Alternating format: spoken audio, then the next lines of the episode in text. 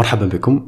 معكم وليد أو أيفن في الجزء الثاني عن فيديو السحرة في عالم برزيرك. قبل أن أستهل في البدء ولأول مرة مني لكم متابعيني إليكم الطلب وهو دعم القناة. المرة هذه أتكلم معكم كصديق ومقرب لكم أن دعمكم اللايك والمشاركة بخصوص وتعريفكم قناتي لمعارفكم. هو أقل شيء يمكنكم تقديمه لي. فشارك أو شاركي قناتي بمنشور على حسابك. تعرف بها الناس أنني منذ فترة تكاد تكون طويلة وأنا بكل اجتهاد وتعب كبير مني بالأفكار الفلسفية وغيرها في التقديم. لا يمكن فقط استخدام الفلسفة في نشر المواضيع عن الفلاسفة وحياتهم وأفكارهم. هنا الفلسفة توظف كأسلوب تفكير في التحليل. أجل ويجدر الإشارة أن المحتوى موجه للبالغين فقط. الأطفال الذين أراهم في بعض التعليقات يهاجمون وغيرهم أقول لكم أنتم غير مرحب بكم في قناتي الشخصية. قناتي موجهة للعقول المتفتحة المتنورة.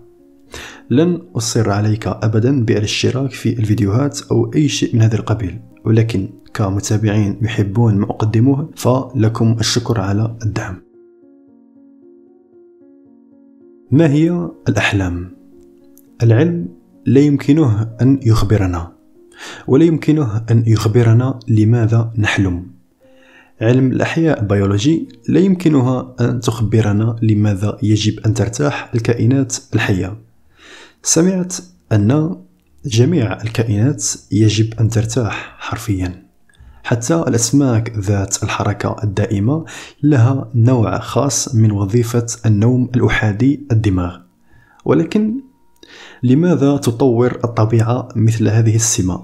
بحيث يعمل نصف الدماغ أو يعاني من التعطيل عندما تكون هناك تهديدات من الحيوانات المفترسة والمتربصة. ألن يكون التكيف الأكثر وضوحا هو تجاوز الحاجة إلى النوم؟ حسنا العلم لا يستطيع الإجابة عليه لأن التفكير العلمي مهيمن ويصر على شيء يسمى التابعية. المصطلح هذا التابعية يتم استخدامه لوصف العلاقة بين الخصائص. له الأهمية الكبرى في مجال ما فوق الأخلاق وفلسفة العقل. إذا يستخدم لوصف العلاقة بين الخصائص الذهنية والأخلاقية وأيضا الاختزالية التي سأصل إليها لاحقا. نومنا هو انعكاس لغياب الوعي واللاوعي بالعالم. مثلما ينقسم اليوم بين الليل والنهار هذا لا يعني أن الليل والنهار يسببان النوم. في الواقع إذا كان أي شيء عكس ذلك سيكون أكثر صحة. الأحلام هي بوابة إلى الروحانيات وتذكير دائم بمن نحن حقا. كثير من الناس لا يتذكرونها ولكن هؤلاء الناس هم الأكثر فقدانا للوعي. هذا لا يعني أن هؤلاء الأشخاص أشرار. فهم لم يوقظوا أنفسهم بعد وهذا اختيارهم. عندما نستنير لن يكون هناك ليل. نهار فقط. سنكون دائما مستيقظين. من المدهش حتى بالنسبة للمتدينين فإن معظم الناس محاصرون تماما في إطار أيديولوجية المذهب الطبيعي. أكرر مرة أخرى عن المذهب الطبيعي بتعريف. أنه نظرية تؤكد على أن جميع كل الكائنات الحية والأحداث في الكون مهما كانت طبيعتها المتأصلة فهي طبيعية. على الرغم أن المذهب الطبيعي ينكر وجود حقائق خارقة للطبيعة في الواقع إلا أنه يفسح المجال لما هو خارق للطبيعة بشرط أن تكون المعرفة به غير مباشرة أي أن الأشياء تتأثر بما يسمى الكيانات الخارقة بطريقة يمكن استكشافها. فأكمل. قلت أن معظم الناس محاصرون تماما في إطار أيديولوجية المذهب الطبيعي وليس لأن الأيديولوجية الدينية هي أفضل بكثير.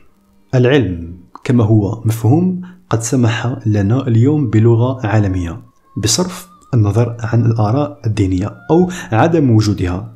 ولكن فلورا مثلما قالت فإن أي رؤية عالمية للعالم غير مكتملة. بقراءتي في أحد المنتديات الأجنبية أن شخصا كانت لديه تجربة الخروج من الجسد وقد التقى بشخص يشبه جدهم الذي مات. الذي أخذ بيده وأخبرهم أن كل شيء سيكون على ما يرام. عندما استيقظ الشخص هذا لاحظوا أن يده كانت دافئة. أوكي من الواضح أن هذا الحدث كان يعني شيئا ما. ولكن نظرا لأن الأيديولوجيات المهيمنة لا يمكنها تفسير الحدث فمن السهل أن يتم تجاهلها. قد يكون لديك خيار تجاهل شيء ما حتى لدرجة النسيان تماما. لكن الذاكرة موجودة دائما على مستوى ما الوعي أو اللاوعي موجود لتتذكره لاتخاذ قرار أفضل والنمو من التجربة بمجرد زيادة وعيك الواعي الطبيعانية المذهب الطبيعي هو فكرة أن كل شيء حتى الوعي نفسه قائم على أساس مادي. تسمى أيضا المادية. المذاهب هذه بالرغم من أنها مقنعة تعمل فقط عندما تتجاهل أنت المعلومات. في الحقيقة وفي الواقع إنها تعمل فقط بالرغم من اسمها. لأنها تستند لعالمنا ومن دواعي السخرية الغير الطبيعي المادية كمذهب في الفلسفة الرأي القائل أن جميع الحقائق بما في ذلك الحقائق حول العقل والإرادة البشرية ومسار التاريخ البشري تعتمد سببيا على العمليات المادية الفعلية الملموسة أو حتى يمكن اختزالها إليها. بمعنى المادية هي نوع من الفلسفة الأحادية تتبنى أن المادة هي المكون الأساسي للطبيعة وأن كل الأشياء بما فيها الجوانب العقلانية كالوعي هي نتاج لتفاعلات مادية. تعلمنا أن هذا الاختزال الأساسي أن الحالات العقلية أو العقل هو مجرد الدماغ وهو مجرد بيولوجي. الذي يؤدي إلى الكيمياء والتي هي مجرد أيضا فيزياء. بعبارة أخرى الوعي تابع على الجسيمات والقوى الأولية فقط. المادة هي الحاكم والوعي مجرد منتج ثانوي. أو حدث مصادفة أو حدث غير طبيعي أو ليس له علاقة قوية مع المادة. لم يكن موجودا في الواقع سوى لدى عدد قليل من المخلوقات المختارة. هذا صحيح في الواقع إلى حد ما على كواكب غير طبيعية ولكن في الواقع العكس هو الأكثر صحة. الوعي يأتي أولا. إنه أساسي جوهري للكل. عندما شركة تقدم لفارنيسي السحر استخدمت تفاحة بسيطة لتحفيز أو انطلاق. هذا التعليم الأساسي. جوهر السحر هو عالم الفكر. فارنيسي كانت تحرق الصورة في رأسها. في وقت لاحق عندما صنعت جسدها المنير استخدمت نفس أسلوب الإسقاط. هذا الإسقاط العقلي هو الواقع. عقولنا تتمتع بالقدرة على عرض أي شيء بناء على مستوى الإرادة والوعي. لأولئك منك من يحلمون بوضوح وصفاء. قد تتذكر أن أي شيء تعتقد أنه يمكن أن يصبح حقيقة في هذا العالم. هناك الكثير من الهزل يمكنك التفكير في أي شيء حرفيا ويصبح حقيقيا. الحقيقة الجوهرية هي الوعي. كل شيء نعرضه بأذهاننا ينشأ حرفيا. هذا ليس صحيحا في عالم الأحلام البين. قد تعتقد أن التفكير السيء الشرير الذي كان يخطر ببالك بشأن الشخص ألف أو الشخص باء غير دار لأنك لم تؤذيه جسديا. لكن هذه الطاقة لازالت تؤثر فيهم وستؤذيك أيضا لأنه ستكون هناك استجابة كارمية لذلك. أعلم أن معظم الناس يرفضون هذا التعليم تماما لكن معظمهم سيفعلونه لأنهم لا يريدون قطعا هذه المسؤولية ومع ذلك فإن الجهل بالمسؤولية لن يجعلها تختفي. هذه هي الحقيقة. كل شيء نفكر فيه ونشعر به يؤثر على العالم تماما بنفس الطريقة التي تتأثر بها سلوكياتنا لا يوجد شيء مثل الفكر الشرير الغير المؤذي. برامج كثيرة موجودة عن إحراج الناس وغيرها لفظيا في النت ستعتقد أنها متعة غير ضارة ولم تقم بالدعابة حتى أنك لم تنضم لقسم التعليقات لذا يدك نظيفة أليس كذلك؟ مع ذلك في الغالب لا زلت تشارك لأنك تردد صدى الأفكار السلبية والقيل والقال نعتقد أنها غير موجودة لأننا لا نستطيع رؤيتها ولكن مرة أخرى إذا كنت تحلم بجلاء ووضوح ولديك أفكار مظلمة فما الذي سيحدث بالضبط؟ الكارما الخاصة بك سوف تكون فورية وواضحة. لا يمكنك إنكار ذلك. في عالمنا يمكننا أن ننكر ذلك. نحن مستيقظون لكننا ما زلنا نائمين إلى حد كبير. القوة هذه التي نظهرها بعقولنا أذهاننا هي أعظم قدرتنا.